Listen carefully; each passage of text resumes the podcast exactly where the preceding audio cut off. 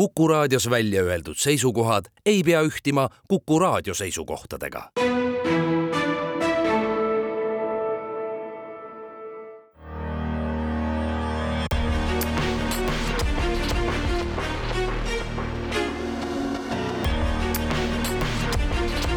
välismääraja.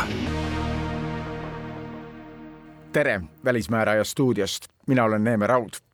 täna esmalt kokkuvõte sel nädalal maailmapoliitika kõige olulisemast üritusest, NATO tippkohtumisest Vilniuses. Indrek Kannik, Rahvusvahelise Kaitseuuringute Keskuse juht, tuleb stuudiosse. seejärel Vilniuses heaks kiidetud NATO idatiiva siis ka meie kaitseplaanidest. Vilniuses salvestatud intervjuu Kaitseministeeriumi kaitsepoliitika asekantsleri Tuuli Tunetoniga ning kolmas vestlus on täna Lätist. politoloog Veiko Spolitisega räägime seal valitsuse tasandil jätkuvast segasest olukorrast ja teemadest Lätis, mis meil Eestis kõneainet ei anna. näiteks, et Läti maapiirkondadest Riiga saabuvatel Läti noortel võib seal olla keerukas tööd saada, kui nad vene keelt ei oska. tööturg nõuab vene keele oskust Läti äsja ametisse vannutatud uus president Edgars Rinkevitš rääkis sellest ka Seimis oma ametisse astumise kõnes. kõigest nüüd järgemööda.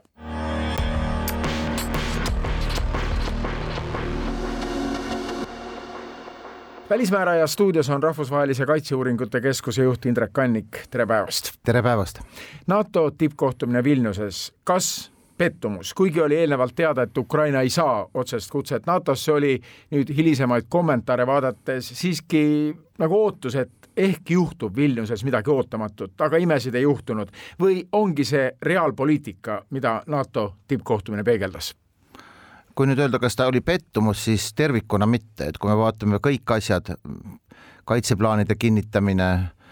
põhimõtteline kokkulepe Türgi ja Rootsi vahel ja Türgi veto mahavõtmine Rootsi liikmeks saamiselt, siis ta pettumus ei olnud. kui puudutada nii-öelda kommünikee Ukrainat puudutavat sõnastust, siis eh, jah, oleks tahtnud loota, et see on natuke selgem, just see, mis puudutab Ukraina liikmeks saamist, nagu sa ütlesid, et seda, et nad saaksid Vilniuses liikmeks või Vilniuses kutse, seda ei olnud kunagi laual ja, ja noh, paraku, paraku ei tulnud seda selgemat sõnastust ja me teame ka, kuhu see jäi, see jäi eh, kahe suure liitlase, Ameerika Ühendriikide ja Saksamaa ülima ettevaatlikkuse taha ja, ja mm, noh, oli mingi lootus, et võib-olla õnnestub seda Vilnius veel pehmendada. olulist pehmendamist siin noh,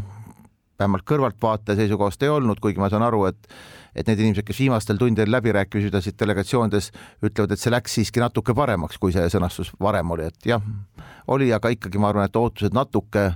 natuke suuremad olid Ukraina osas kindlasti sa tead, mis toimus meie diplomaatias tippkohtumise eel ja ajal, kui läbi räägiti, mida Eesti veel püüdis sinna teksti sisse saada. oodati ju, et Ukrainale antakse konkreetne, Jüri Luik on öelnud selline redel, et mida mööda siis ronima hakata, et seda lõppdokumendis ei kajastunud jah, see oligi see, mis oli, nagu ma ütlesin, konkreetsusest oli puudu, et jäi ainult lause, et kui liitlased on nõus, mis on nagunii selge, kuna konsensuslikud otsused NATO liikmesuse puhul on,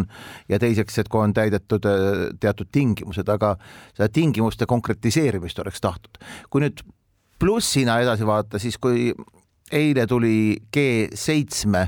avaldus, äh, siis seal on seda juba natuke hakatud tegema, et Ukraina armee peab alluma tsiviilkontrollile, noh, mida ma usun, et ta laias laastus ka juba täna allub ja teine on siis Ukraina kohtureformile viitamine. Ja see on tõepoolest asi, kus Ukraina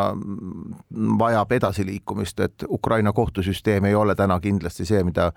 Äh, demokraatlike riikide hulka kuuluv riik endale pikas perspektiivis lubada saab ja noh, kui me vaatame ka tagasi, siis paljud Ukraina hädade algused, paljud Gruusia hädade algused on seotud sellest, et nad ei ole oma kohtuvõimu korda saanud. Aga ikka see sõna reaalpoliitika, meil on küll ootused ja lootused, aga teine asi on see, kui kolmkümmend üks riiki tulevad kokku, milles suudetakse kokku leppida ja ikkagi osadel riikidel, nagu ütlesid, on suurem kaal no isegi ei ole suuremat kaalu selles mõttes, et oleks ka Luksemburg saanud teoreetiliselt selle blokeerida, aga muidugi on selge, et NATO puhul eriti Ameerika Ühendriikidel on suurem kaal. ütleme niimoodi NATO sõjalisest võimekusest ameeriklased panevad siin erinevatel hinnangutel kaks kolmandikku kuni neli viiendikku ja no see on selge, et see annab suurema kaalu kokkuvõttes. president Bideni administratsioon on olnud sellesse sõjasse suhtumises noh, küll täiesti õigetel ja ütleme retooriliselt tugevatel positsioonidel, aga paljudes asjades siiski väga ettevaatlik, alati liikunud üks kuni kaks sammu tagapool, kui meie seda oleksime ideaalis näinud. ja noh, mõnes mõttes ma arvan, see tuleb ähm, demokraatide sisemisest olukorrast. Seal partei sees on alati olnud väga tugev selline rahutoetajate tiib ja noh, Biden pole küll otseselt sellesse kõige, kõige vasakpoolsemasse tugevamasse rahutoetajate tiiba ise kuulunud, aga ta on nendega hästi läbi saanud aegade jooksul. Ja kui me meenutame kasvõi ajalugu, siis kui me räägime perioodist, kui meie saime NATO-sse ehk siis kahe tuhande algusest enne kahe tuhande neljandat aastat, siis need Eesti ja ka teiste Balti riikide diplomaadid ja poliitikud, kellega ma sellest perioodist olen suhelnud ja rääkinud, ega nad ütlevad, et Biden oli ka siis väga ettevaatlik, Biden ei olnud nende esimeste senaatorite hulgas, kes, kes jõuliselt oleks toetanud eh, kolme Balti riigi saamist NATO-sse, et ja no pole raske arvata, et inimese käitumisstiil kakskümmend aastat hiljem juba suhteliselt kõrges eas eh, ei muutu enam, et ta käitub sellesama poliitilise mudeli järgi, mida ta on kogu elu jälginud. Vilniuses räägiti ajakirjanike seas, et äh, seal kulisside taga, kus riigijuhid kohtusid, väljendati ka pisut kartust, et mis saab siis, kui USA-s tulebki võimule järgmise presidendina Donald Trump, kes hakkab Ameerikat NATO-st välja kangutama. samas tuli eile teade Washingtonist, et kaks senaatorit taas esitasid seaduseelnõu, millega kongress võtaks vastu sellise reegli, et president ei saa üksinda riiki NATO-st välja tuua, et selleks peab olema senati või kongressi luba, et ka see teema olevat Vilniuses läbi käinud omavahelistes vestlustes, et Euroopas on ikkagi mure, et mis edasi saab, et kui järgmine president tuleb küll vabariiklane, aga kui ta tuleb Donald Trump, kes ei ole salanud, et ta ei ole suur NATO, ütleme siis, fänn. Vast ei ole praegu mõtet hakata veel poolteist aastat edasi spekuleerima, et Ameerika presidendivalimistel on aega peaaegu poolteist aastat ja uue presidendi ametisse astumiseni on aega veel natuke isegi üle pooleteistkümne aasta või ena, enam-vähem täpselt poolteist aastat. et selle aja jooksul jõuab Ukraina-Vene sõjas veel väga palju toimuda ja noh, ma mõõdukalt optimistlikuna loodan, et et ei ole üldse võimatu, et selleks ajaks, kui Donald Trump või kes iganes järgmine president ametisse astub, on Ukraina selle sõja võitnud ja oma territooriumid vabastanud siin oli just küsimus selles, et milline on NATO tulevik, sest ka Macron on öelnud, et Euroopa peab enam keskenduma oma kaitseteemadele ja me ei tea, mida USA järgmine administratsioon Euroopa kaitsealal otsustama hakkab. jah. Need teemad on õhus. Need teemad on õhus ja eks nad on alati õhus olnud, et on selge, et ükskõik milline vabariiklik administratsioon, siin ei ole küsimus isegi, kas Trump või keegi teine on kriitilisem Euroopa suhtes tema madalate kaitsekulutuste pärast, kui on Bideni administratsioon. Biden on püüdnud seda Trumpi aegset tüli siluda, aga ega ka ameeriklased praegu ütlevad ja ka see administratsioon endiselt rõhutab, et Euroopa peaks rohkem panustama oma, oma kaitsesse. ja noh, selles mõttes ma arvan, kõik on nõus sellega, et Euroopa peaks rohkem panustama ja küsimus on selles jälle, et kui palju siis Euroopa tegelikult panustab. ja noh, kui prantslased sellest teemast räägivad, siis seal tekib alati see küsimus, et kas nad on selles lõpuni siirad, et lihtsalt tuleb rohkem panustada või on seal ikkagi see, et Prantsusmaa poliitilisest kultuurist alati läbi käiv kerge selline Ameerika vastasus ka sees. selleks, et noh, tegelikult ütleme niimoodi, Prantsusmaa ja Saksamaa taolised riigid või Suurbritannia isegi Prantsusmaa Suurbritannia puhul vähem, Saksamaa puhul rohkem, jõuaksid nagu sellele tasemele, et nad suudaksid tegelikult Ameerikat asendada, siis noh, siin ei aita kahest, kahest poolest protsendist SKP-st, isegi kolmest mitte, vaid ma arvan, et need summad peaksid minema sinna nelja, viie, kuue kanti, siis mõne aja möödudes hakkaksid need riigid suutma Ameerikat asendada Euroopas president Bidenil, mäletan eelmisel NATO tippkohtumisel Madridis läks kohe pressikonverentsi alguses natuke sassi, et Rootsi ja Šveits ja seekord otsustati, et Biden isegi pressikonverentsi otseselt ei anna ta kohtus küll USA ajakirjanikega pärast seda, kui, kui tal oli vestlus president Zelenskiga Vilniuses ja sealt tuli väga huvitav äh, kiire kommentaar Bidenilt, kui üks Ameerika ajakirjanik ikkagi küsis, et millal Ukraina NATO-sse võib pääseda, vastas Biden, ma tean küll, millal, tund ja kakskümmend minutit pärast seda, kui sõda on läbi, kiire reaktsioon Bidenilt küsimusele, millele vastust ei ole, ta suudab kiiresti reageerida küll. ei, ta on ju väga kogenud poliitdebateerija ja ma mäletan näiteks kahe tuhande kaheteistkümnenda aasta Ameerika presidendivalimiste eel, kui esimeses debatis oli Obama olnud üsna nõrk ja kaotanud selle avalikele hinnangutele, sellele järgnes asepresidendi kandidaatide debatt ja seal tegi Biden ikkagi nii põhjalikult oma vabariiklasest konkurendile ära ja pööras selle, selle valimiskampaania tagasi vaba, demokraatide jaoks kindlamasse, kindlamasse äh, sängi. ta oli ikka väga hea debatis ja ega noh, see ei kao ära vaatamata vanusele, see nüüd lõpuni ära ei kao nii et äh, Bideni sõnul siis tund ja kakskümmend minutit pärast Ukraina sõja lõppu no, saab see Ukraina muidugi, NATO-sse. see muidugi ei ole reaalne, kui me vaatame, kui kaua on läinud ka Soomel ja Rootsi äh, taotluste ratifitseerimine erinevate riikide parlamendis, siis noh, see oli rohkem retooriline nali, see kindlasti ei Just, olnud tõsiselt nali mõeldud. naljaks, aga Vilniusest lahkudes korrati ikkagi üle ja üle, et Ukraina sai kinnituse, et ta tulevik on NATO-s, nii kindlasõnaliselt ei ole varem seda välja öeldud. ma arvan ka, et eh, siin on toodud viimastel päevadel üsna palju paralleele Bukarestis ametiga kaks tuhat kaheksa. et mm, ma pigem kaldun lootma ja uskuma, et, et need paralleelid ei ole selles mõttes täpsed, et tollal jäeti need riigid nagu Gruusia ja Ukraina ikkagi noh, selles mõttes edasi üksi, midagi ei juhtunud selles suunas edasi. et ma arvan, et praegune lääne nagu kinnitamine, et kui tõsiselt nad Ukraina taga on, on, on nii tugev olnud, et erakondadel ja poliitikutel ükskõik, isegi kui tulevad teised erakonnad, kui praegu on võimul nendes riikides, on üsna raske sellest taganeda. et ma, ma pigem loodan, et, et see paralleel ei ole täpne, aga aga tuleb tunnistada, et ähm, aeg näitab, et ega me ei saa täna väga lõpuni kindlad selles olla, et ei korratud samamoodi Bukaresti vigu. kui president Zelenskõi saabus kolmapäeval tippkohtumisele, ta saabus Vilniusesse küll teisipäeval, aga kolmapäeval saabus ta ametlikult siis tippkohtumisele, et koosolekutel osaleda ja kui ta autost välja astus, ütles ta, et tal on kolm peamist eesmärki. esimene Ukrainale jätkuva sõjalise abi kindlustamine, teine Ukraina tulevik NATO-s ja kolmas julgeolekugarantii. NATO-st me nüüd rääkisime sellest teisest punktist, aga esimene punkt, konkreetne sõjaline abi, selles vallas sai Ukraina president ikkagi päris palju konkreetseid lubadusi ja kinnitusi, et see jätkub. ja neid tuli väga paljudelt riikidelt, kas vahetult tippkohtumise ajal või vahetult enne seda ja veel tänagi pärast seda on tulnud mõnelt riigilt see kinnitus. ja no pluss julgeolekugarantiide lepingud, mis tulevad küll kahepoolsed, nende raamistik peaks siis nagu näitama väga pikaks perioodiks, no või vähemalt nii pikaks perioodiks, kui läheb Ukraina saamiseni NATO-sse, et, see abi jätkub vajalikul tasemel. et ma usun, et need riigid, kes sellele kokkuleppele alla on kirjutanud, praegu siis G7 pakkus seda, aga juba on mitmed riigid protsessiga liitunud ja ma usun, et liitub veel, et nad võtavad oma sõnu tõsiselt ja, ja määratletakse ära miinimummäärad, mis peaksid olema üsna arvestatavad kuni sõja lõpuni Ukraina toetuseks, sõjaliseks toetuseks aga Ukraina liidrile heideti pärast teisipäevast twiiti, mis kogu maailmas vastu kajas, kus ta väitis, et tippkohtumise lõppdokument on absurdselt lahja. talle heideti ette muuhulgas USA ja brittide poolt, et ta peaks olema tänulikum neile riikidele, sellest rääkis nii Briti kaitseminister kui USA rahvusliku julgeoleku nõustaja Vilniuses, et britid ja ameeriklased ootavad rohkem tänutunnet ja kolmapäeval oli Zelenskõi toon sootuks teine ja lõpuks ta avaldaski lausa tänu riikidele eks seda on paaril korral varemgi selle sõja jooksul olnud, et Washingtonis näiteks kahekümne teise aasta suvel oli kosta, et et ootaks rohkem tänutunnet, et mm, ma arvan, et ukrainlased on seda tegelikult aja jooksul küllalt väljendanud. See, mida Zelenskõi teisipäeval tegi, oli katse veel kord sekkuda draftimisse, et saada äkki natuke parem tulemus välja ja noh, ma ei näe, et seal nagu midagi väga dramaatilist oli, et ta pingutas, see on iga poliitiku kohus teha maksimum.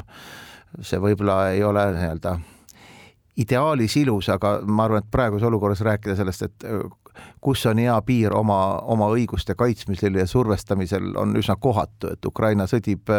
riigiga, kes tahab ta eksistentsi likvideerida ja, ja ma ütlen veel ühte momenti, et teistpidi peame me kõik, kaasa arvatud Ameerika Ühendriigid ja, ja, ja Suurbritannia ja Saksamaa olema tänulikud Ukrainale. et kui Ukraina ei avaldaks sellist vastupanu Venemaale, siis see hetk, mida iga hinna eest ameeriklased üritavad vältida, et oleks potentsiaal sõjaliseks konfliktiks Venemaa ja, ja NATO vahel, oleks väga palju lähemal, kui mitte juba käes. kui Venemaa oleks saavutanud oma eesmärgi Ukrainas veebruaris kaks tuhat kakskümmend kaks ja mõne nädalaga Ukraina vallutanud, oleks võinud täna juba vabalt olla olukord, et Venemaa oleks järgmistele, järgmistele saakidele kallale läinud ja need oleksid olnud NATO riigid ja siis oleks ameeriklastel olnud juriidiline kohustus sõtta sekkuda. kas nad seda kindlasti ei oleks tahtnud teha, aga edasi oleks olnud laual küsimus, kas NATO jääb või ei jää, kas Ameerika on maailmas jõud või ei ole osa kommentaatoreid leiab muidugi, et selline otsene tänu väljapressimine Ukrainalt on lausa kohatu. Tegelikult huvitav oli vaadata, kui Briti kaitseminister rääkis sellest tänuteemast, siis Briti peaminister tuli mõni tund hiljem lavale ja täiesti ignoreeris seda teemat ja avaldas ise tänu Ukrainale. eks seal oli emotsioone ühelt ja teiselt poolt üsna palju, et kaitseminister Wallis on tõesti palju teinud ka Ukraina jaoks ja, ja, ja britid on olnud mitmel puhul relvaabiga need, kes on esimesena astunud jälle üle uue, üle uue punase joone, et mida me anname no,. Et... kaitseminister Wallis hakkas ju rääkima sellest, et kui ta sõitis Kiievisse, siis anti talle nimekiri asjadest, mida Ukraina vajab ja ta ütles, et me ei ole Amazon, kes teile hakkab neid tarnima, et sellised kommentaarid tulid sealt välja, mis ja. siis ajakirjanike seas tekitasid natukesest, mis siis toimub seal kulisside taga ütleme, inimesed olid väsinud ja, ja emotsionaalselt kõrges pinges. aga teine suur teema, mis meie jaoks väga oluline, Rootsi NATO-sse pääsemine, kui see otsus ja teade tuli esmaspäeva õhtul enne tippkohtumise algust, et Türgi president Erdogan siiski on valmis Rootsi NATO-sse lubama, siis see teema kuidagi haihtus tippkohtumiselt, kõik keskendusid Ukrainale, teisipäeval juba, kui tippkohtumine ametlikult algas, seda Rootsi teemat eriti ei arutatudki, see oli juba nagu done deal, kui inglise keeles öelda. Jah, selle poole oli liigutud nüüd üsna pikalt äh, viimase aasta jooksul ja ja kuigi siin viimastel nädalatel hakkas tekkima tunne, et, et ähm, Vilniuseks äh, või Vilniuses seda kokkulepet veel ei sünni, äh, siis see, et esmaspäeva õhtuks kutsuti kokku kolmepoolne kohtumine Erdogani, Kristerssoni ja, ja, ja Stoltenbergi vahel, andis märku sellest, et, et, et lootus on olemas, muidu need inimesed ei raiskaks aega kolmeks tunniks kohtumiseks, kui nad ei arva, et kokkulepe on võimalik. seal on kindlasti taustal muidki momente kohe järgmisel päeval teatas USA senati väliskomisjoni esimees senaator Menendez, et, et ta ei näe põhjust, miks ei võiks hakata F kuueteistkümnete müüki Türgile menetlema, et seal on taustal kindlasti kokkuleppeid veel. selles kolmepoolses kohtumises oli kohal ka Ameerika vari ja F kuueteistkümned. ja ma ikka, ikka oli, ma arvan, nii-öelda või vähemalt oli ameeriklaste poolt tulnud selge sõnum, et kui see probleem laheneb, siis me leiame lahenduse ka F kuueteistkümne küsimustele. Ja noh, kui vaadata Türgi käitumist üldse ka selle, selle tippkohtumise eel, siis noh, on olnud väga jõulised sõnumid Ukraina toetuseks ja, ja Venemaa vastu, et, et et kasvõi see, et mm, juba Türgi ütles väga selgelt välja, et tema näeb Ukraina kohta NATO-s, see, et Erdogan otsustas äh, anda president Zelenskile kaasa viis Azovi komandöri, ähm, kuigi noh, väidetavalt oli venelaste ja türklaste vahel kokkulepe, et sõja lõpuni jäävad need mehed Türki ja noh, taustal on ka see, et äh, lähipäevadel on leppemas nüüd äh, viljalepe ja türklased on vist üsna poolavalikult mõista andnud, et kui Venemaa seda ei pikenda, siis ega see neid väga ei huvitagi, nad suudavad tagada nende viljatarnete turvalisuse ka ise, mis tähendab seda, et Türgi sõjalaevad hakkaksid neid tõenäoliselt turvama ja sellega öeldakse välja see, mis tegelikult on nagunii selge, et Venemaal Musta mere lääneosas vabad tegutsemisvõimalused puuduvad Türgi muidugi teatas Vilniuses, et päris sellist ülikiiret Rootsi NATO-sse võtmist ilmselt ei tule, et Türgi parlament hakkab seda menetlema alles võib-olla oktoobris ja vahepeal on siin tulnud jälle Rootsist teateid, mis võivad seda protsessi veelgi peatada. jah, Rootsi ülemkohus on nüüd vist paari päeva eest otsustanud, et teatud, teatud isikute, kes on seotud nii-öelda külenistliku liikumisega, nende väljaandmist nad ei näe võimalikuna kuna pole tõestatud nende seost terroriga. nii et, et seal on veel võib-olla potentsiaalselt väikseid miine, see, et, et Rootsi, et Türgi nüüd seda nüüd viimase, parlament läheb vist augustis puhkusele, augusti esimestel päevadel, et ta seda nüüd ülikiires tempos kahe nädalaga ei ratifitseeri, see on võib-olla isegi loomulik, selle üle ma nagu väga ei muretseks. et kui nad tõepoolest seda oktoobris teevad, siis see on kokkuvõttes okei okay.. aga loodame, et siin kahe kuu jooksul ei tule sündmusi, mis selle protsessi jälle tagurpidi pööravad Ungari ei ole ka lõplikku otsust Rootsi suhtes veel välja öelnud, Ungari muidugi on öelnud, et nad ei jää viimaseks riigiks, kes Rootsi vastu on, aga Ungari juht oli Vilniuses suhteliselt vaikne. Orbani käest ei tulnud mingisuguseid suuremaid avaldusi. no tegelikult jah, ei Soome ega Rootsi puhul vist ei ole olnud see kõige suurem probleem Ungari, nad on lihtsalt jälle tahtnud seal oma profiili tõsta, Orban on tahtnud oma profiili tõsta, võib-olla näidata ka venelastele, et ma ikkagi võitlen teie huvide eest. aga, aga kordagi pole olnud tunnet, et Ungari võiks selle asja tegelik blokeerija olla. aga ma usun ka, et, et see kokkulepe siiski jääb kehtima, kuna seal on nii palju muid asju, miks ka Türgile on see vajalik ja Türgil ei ole tegelikult selle vastu, et Rootsi kuuluks NATO-sse midagi. ja, ja kõik need F kuueteistkümnend ja veel mitmed muud asjad, ma arvan, mis on Türgi jaoks tulevikus olulised. et selles mõttes ma usun, et see diil jääb kehtima välismääraja stuudios oli Rahvusvahelise Kaitseuuringute Keskuse juht Indrek Kannik. aitäh selle intervjuu eest ja kui meie saade jätkub, siis räägime konkreetselt Vilniuses heaks kiidetud NATO idatiiva kaitseplaanidest, mida siis Eesti konkreetselt sai, nii palju kui saame seda raadioeetris rääkida, sellest hetke pärast.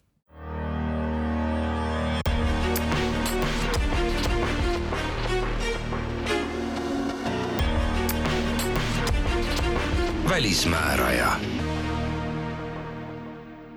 aasta tagasi enne NATO tippkohtumist Madridis ütles peaminister Kaja Kallas Financial Timesile antud intervjuus, et NATO tollaste kaitseplaanide järgi vallutataks rünnaku korral Eestist päris oluline osa territooriumist, enne kui liitlaste abiga seda tagasi võtma hakatakse. nagu Kallas siis märkis, oleks liitlaste saabumine, mis nende plaanide järgi võinuks võtta ehk nädalaid, liiga aeglane ja plaane tuleb muuta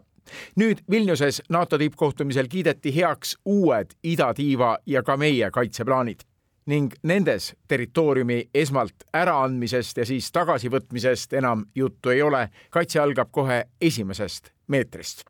rääkisime sellest Vilniuses, seal NATO tippkohtumisel olnud Kuku raadio välistuudios kaitseministeeriumi kaitsepoliitika asekantsleri Tuuli Tunetoniga jah, see vastab tõele, et uued äh, riigipeade poolt äh, heaks kiidetud kaitseplaanid näevad siis ette Balti riikide ja sealhulgas siis Eesti kaitset koheselt konflikti algusest ja me ei räägi enam tagasivallutamisoperatsioonist. hea asi on ka tegelikult see, et, et kui me tuleme selle juurde, et kuidas see siis, milliste riikide vägedega seda, neid operatsioone läbi viiakse siis äh, ennem konflikti algust on tegelikult ka nii rahu, ütleme, kriisiperioodil ja päris konkreetselt sõjaperioodil on ette nähtud te erinevad tegevused. liitlastega on meil juba ka kokkulepped näiteks selles samas äh, Briti äh, brigaadist, mis peaks Eestit siis tugevdama tulema, et, et nemad tegelikult peaksid olema siis kohal juba tegelikult päris nii-öelda ennem sõja puhkemist, et kriisi erinevates faasides on lihtsalt läbi mõeldud, et äh, millised on erinevad sammud, äh, mis liitlased hakkavad tegema. selles mõttes on see kindlasti väga suur edasiminek, see väga oluliselt tugevdab Eesti julgeolekut. Need kaitseplaanid on mõistagi salastatud? nii on. mida nende kohta veel võib öelda uut meie kuulajatele? mis on veel avalik info nende kohta? No avalikkus kindlasti peab teadma seda, et need kaitseplaanid tagavad Eesti sõjalise kaitse. Äh, et äh, Eesti enda kaitse on ette nähtud Eestis rahvuslikus kaitseplaanis, aga liitlaste tugevdus Eesti kaitseks on ette nähtud äh, uutes NATO kaitseplaanides. küsin kohe vahele, kui kiiresti liitlased saabuvad Eestisse, need plaanid näevad ette ju seda, et Eestis ei hakka paigal olema väga suurt väekontingenti, vaid väga kiiresti saabuvad lisaväed. kui siin oli varem juttu, et see võib võtta nädalaid, enne kui lisaväed tulevad, kas nüüd on siis see kõik kiirendatud? See on kiirendatud ja miks ma toon siia välja selle aspekti meie kahepoolsest kaitsekoostööst ka Suurbritanniaga, on just see, et äh, meil on juba täna kokkulepe tegelikult, et äh, nüüd, kui meil on NATO kaitseplaanid heaks kiidetud, äh, me hakkame nende kaitseplaanide rakendamist rahuajal ka harjutama. me teame täpselt, millise regulaarsusega see brigaad Eestisse tuleb me teame, milline on temale vajalik logistika ja me tegelikult ka brittidega töötame selle nimel, et äh, sellel brigaadil oleks siis ette paigutatud nii vajalik äh, sõjaline tehnika kui laskemoon. ja see vajabki rahuajal läbi harjutamist, et, et tegelikult kui tekib konflikti oht ja me näeme, et meie eelhoiatussüsteem annab sellele konkreetse eelhoiatuse, siis ikkagi loetud päevade jooksul on meil, on need kokkulepped tehtud ja, ja britid jõuavad Eesti kaitsmiseks õigeks ajaks kohale. siin käis sõna laskemoon läbi, see on üks väga kriitiline teema, Ameerika Ühendriikide ajakirjandus kirjutab, et president Biden lubas Ukrainale kobar moona just seepärast, et muud laskemoona ei ole anda, Ameerika konservatiivsed lehed kirjutavad, et kuidas on võimalik, et Ameerika laod on tühjaks saanud, samas ka Euroopa riigid on öelnud, et meil ei ole laskemoona. mis seis on Eestis, millal seda laskemoona hakkab juurde tulema? Eesti on ju üks eestvedajaid sellel plaanil, et Ukrainale miljon, miljoni eest laskemoona anda, aga ka Euroopa enda riigid ja Ameerika enda laskemoonavarud vajavad täitmist. no Eestil on äh, ka täna laskemoona selleks, et ennast kaitsta, et äh, kahtlemata me oleme sellest äh, päris suure hulga andnud ka Ukrainale aga need jutud, mis siin opositsiooniparteidest on tulnud, et Eesti laod on nüüd tühjad ja tuul huulgab. see ei vasta tõele, et äh, laskemoon ei üleüldse relvastuse äraandmise otsused te tehakse Eestis valitsuse tasemel. Ja alati on olnud äh, küsimus selles, et äh, mil määral see kahjustab Eesti enda varusid, nii et selles mõttes ma võin kinnitada, et meil on piisavad varud selleks, et ennast kaitsta. aga fakt on ka see, et Euroopas ja ka Ameerika Ühendriikides on see probleem äärmiselt akuutne ja selleks on ka Eesti teinud ettepaneku Euroopa Liidus laskemoona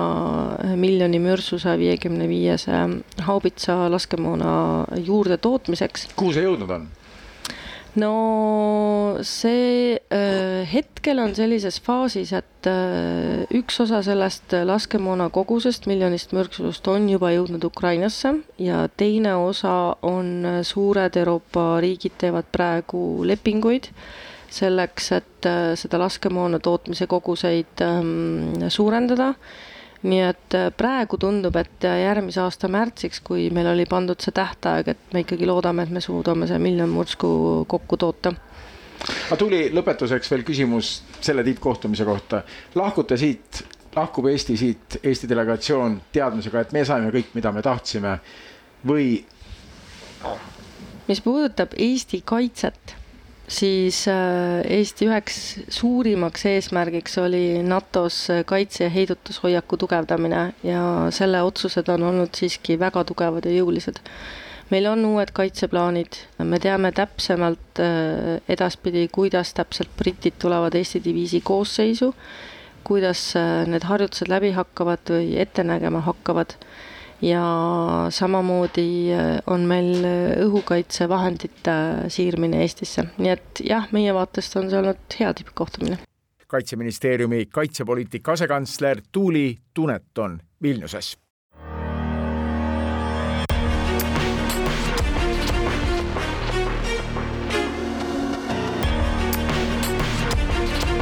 Välismääraja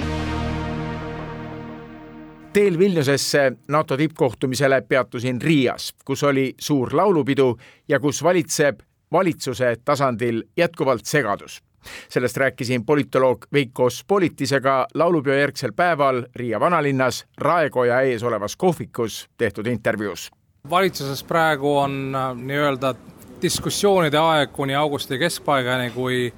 peaminister Krishan Skarinš teatas, et äh, siis peaks selgusele saama, kuidas laiaulatuslike reformidega saaks edasi minna, nimelt on küsimus nii tervishoiureformist, kus äh, Läti võtab eeskuju Eestist, on küsimus äh, haridusreformi lõpetamisest, on küsimus äh, Istanbuli konventsioonist ja selle ratifitseerimist Läti parlamendis, kus on konservatiivsed erakonnad, on sellele vastu olnud. see on siis naisteteemaline? see on siis teema äh, siis vägivalla naiste vastu keelustamisest, äh, kus on mõningad küsimused, mis äh, käsitlevad ka samasooliste kooselu või Eestis siis kooseluseadus, mida Lätis ei suudeta vastu võtta ja tänu sellele siis on pidevalt vaidlused selle üle, kas seda tuleks vastu, siia lisaks on diskussiooni ka kirik, kõik on lisandunud, nii et äh, sellest küsimusest ei saa kõrvale ja Edgar Srinkevitš, äh, vast valitud president, teatas, et tema kindlasti soovib, et see küsimus lõpuks saaks lahendatud, sest tema kui üksteist aastat olnud välisminister sai pidevalt kuulda äh, meie partnerite käest nii Euroopas kui Põhja-Ameerikas, et mispärast me ei suuda nii lihtsat küsimust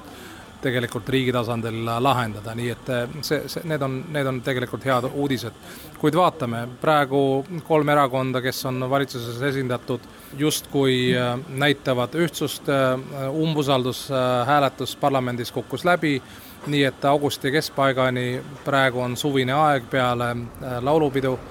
suurt midagi ei toimu, on kuluaaridiskussioonid ja need diskussioonid toimuvad siis äh, ministeeriumites või peaministri büroos, äh, nii et äh, kuskil augusti esimese, teise nädala jooksul me saame rohkem teada, missugune siis peaks välja nägema see uus valitsus, kuid nii mõningad eeldused ütlevad, et siis praegu opositsioonis olevad rohelised ja põllumehed koos progressiivsetega Äh, võiks lisanduda valitsuskoalitsiooni ja seega siis rahvuslik allianss, kes on siis nii selle Istanbuli konventsiooni vastu, kui on ka omaette positsioonidel ka haridusreformi küsimuses, võiks lahtuda valitsusest, nii et küsimus on, kas uus, uues koalitsioonis saavad olema neli või kolm erakonda. peaminister peaks äh, täiesti loomulikult välja tulema peale augusti kõnelusi uue valitsuse mudeliga ja suudab lahendada ka neid tervishoiu ja haridusreformi küsimusi, sest need on kõige tähtsamad, sest selle üle on Läti valija on äh, nurisenud viimased viisteist aastat ja see, kui sul ikka tervishoidu ja haridust pole, siis suurt mõtet oma riigile ei näe. Need on esmased küsimused ja, ja vaatame, augusti keskel peaks olema uus valitsuse mudel ja siis peaks ka selgeks saama, missugusel viisil need kaks vägagi tähtsat reformi edasi viiakse mis nende reformidega siis on, mis on tervishoiu teema ja mis on haridusteema? Peaks lõppude lõpuks Lätis looma ka tervisekassasid või haigekassasid, nii nagu need varem nii hästi nimetati. Lätis neid siiani ei ole. Eesti haigekassat Lätis ei ole? ei ole kõik need aastad siin kuidas siis see tervishoid on tagatud? see on lihtsalt iga aasta eelarves lisatakse rohkem ja rohkem miljoneid, seega praegu tervishoiu ähm, siis eelarve osa on teine suurim peale hariduse osa, nii et siin toimub reform, kuidas siis peale haigekassade loomist suudaks teha tervishoiusüsteemi jätkusuutlikuks, et ei peaks iga aasta jälle miljoneid ja miljoneid lisama seda eelarve äh, kõneluste ajal. ja teiseks äh, muidugi, äh, kui me räägime haridussüsteemist, siis siin on palga suhtes on kokku lepitud, kuigi siis ametiühingud on teatanud, et suve ajal nad midagi suurt ei tee, kuid sügisel nad võiks jälle streikima ala, alu, streikima alata, kuid kui me räägime haridussüsteemist, siis siin suurimaks küsimuseks on mitte keskkoolid, vaid just ülikoolid, sest ülikoolid ja teadusharud, kus tegelikult see raha on niivõrd väikene, et Läti ülikooli võimekus on mitte ainult aastast aastasse langemas, vaid siin on ka küsimus selle üle, et kas järelekasv professoritel ikka siiski toimub või mitte aga kui rääkida nüüd põhiharidusest, kas see Läti ja venekeelse hariduse teema ka siin kuidagi peegeldub, Eestis on see jätkuvalt teemaks? siin puhul Läti kindlasti tegi edusammusid juba alates kahe tuhande seitsmeteistkümnendast aastaks, kus kaks tuhat üheksateist Lätis tegi ähm, reformile lõpu peale, kus oli lepiti kokku kindlas süsteemis, kuidas rahvusvähemuste koolid lähevad täielikult üle läti keelele oma haridussüsteemis, nii et see süsteem peaks lõppema järgmise aasta septembris, kus täielikult kõik rahvusvähemuste koolid äh, õpetavad läti keeles. siin puhul kindlasti mainides seda, et keegi ei keela rahvusvähemuste koolidel oma keelt, kultuuri ja maateadust õpetada oma emakeeles, kuid samas kõik Läti või rahvusvähemuste kooli lõpetajad peavad oskama läti keelt sellisel tasemel, et saada Läti ülikooli sisse, ilma et selle, see tekitaks probleemi. et siin jälle üks erinevus Eestiga, kus näha on Läti resoluutsust? absoluutselt siin see, see küsimus on lahendatud, nüüd suurim küsimus saab olema, et peale haldusreformi, kuidas siis äh, siis lahendada küsimusi, et mis koolid alles jätta ja missugused koolid äh, sulgeda, sest äh, see on see, mida jälle Eesti erinevalt Lätist on ära teinud, kus on äh, riigigümnaasiumid on täiesti olemas, seda süsteemi Lätis veel ei ole, nüüd see süsteem äh, siis haridusreformi käigus äh, peaks äh, lõpuni viima.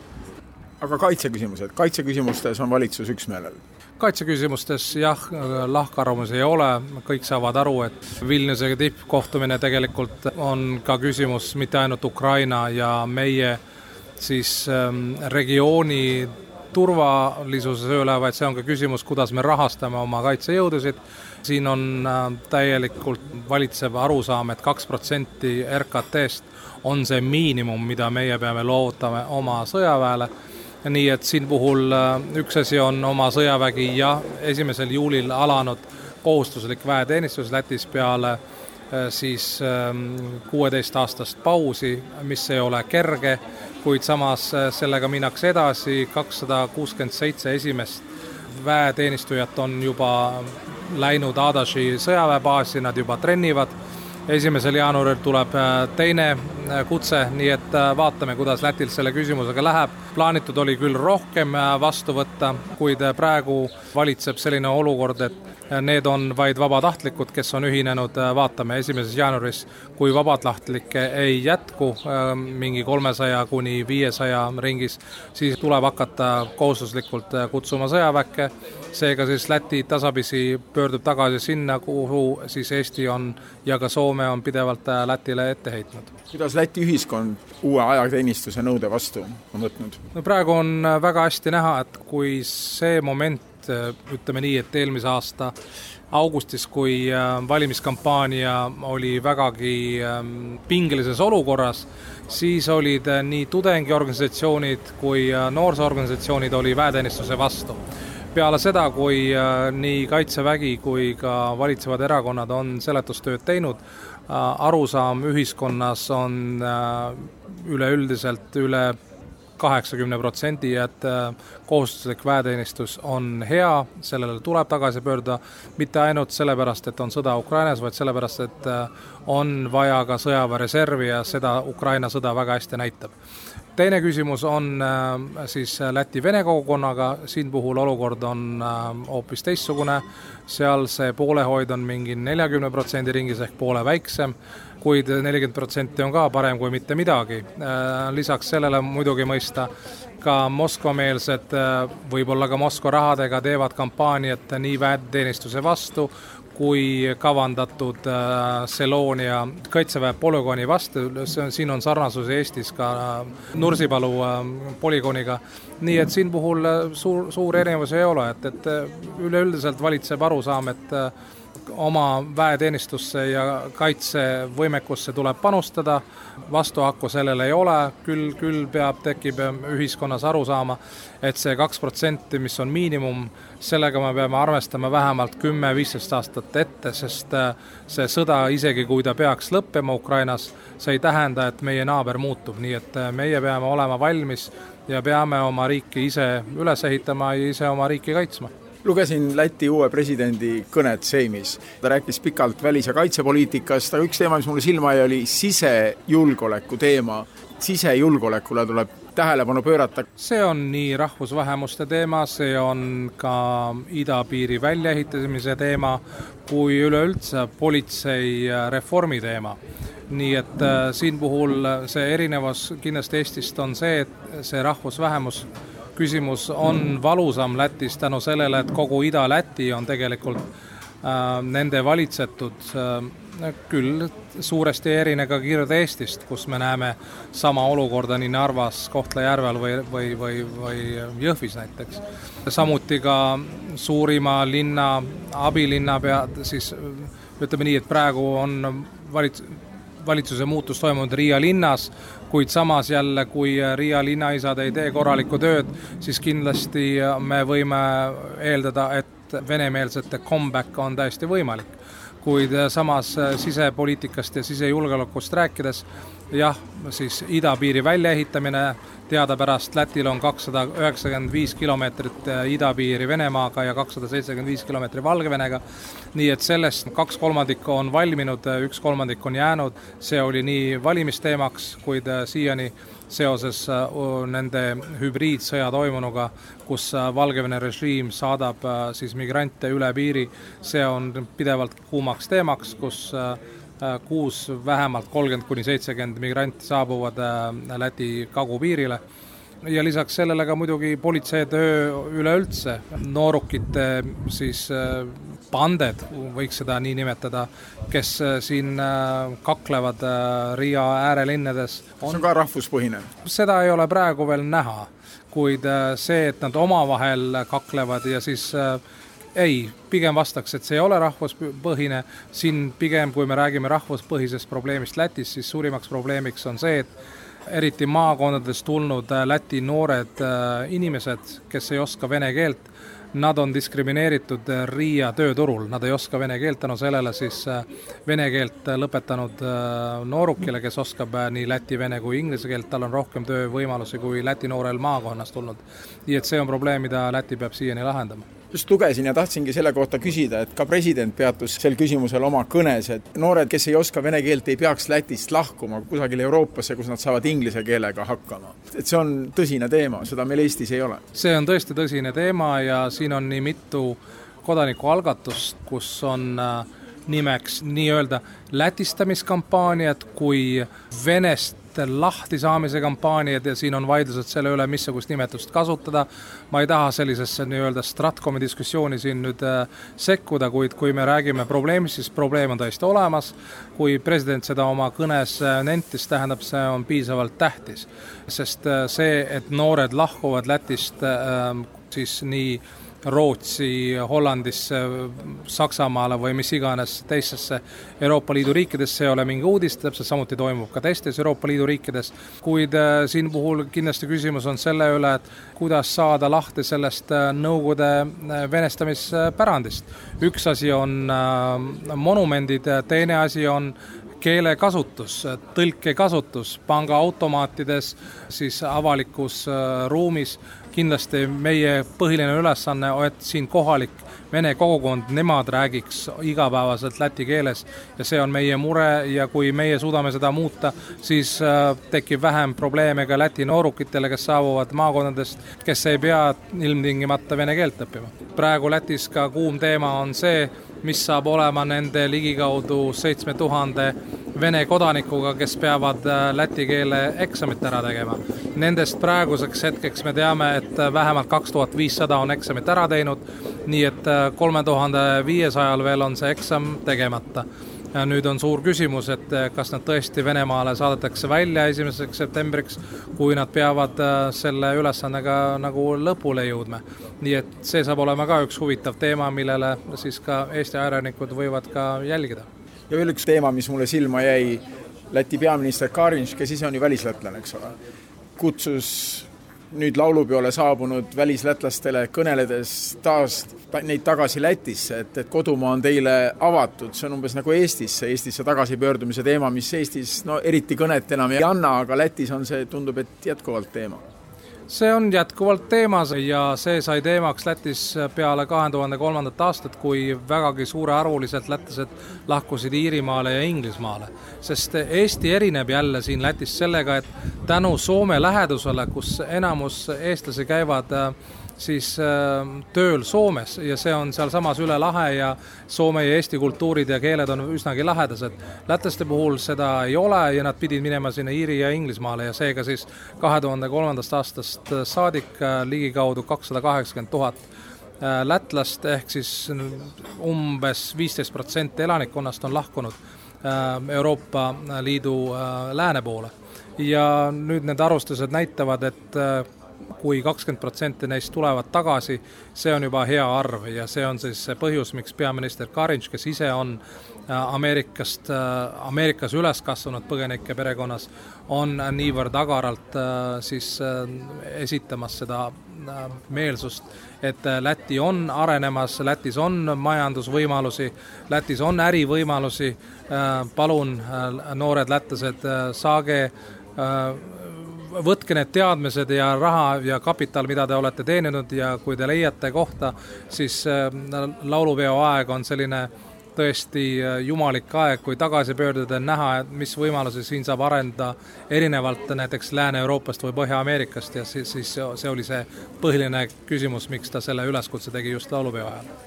Veiko Spolitis Riias. välismääraja ongi tänaseks kuulatud. ilusat nädalavahetust ses suve keskpunktis ja kuulmiseni.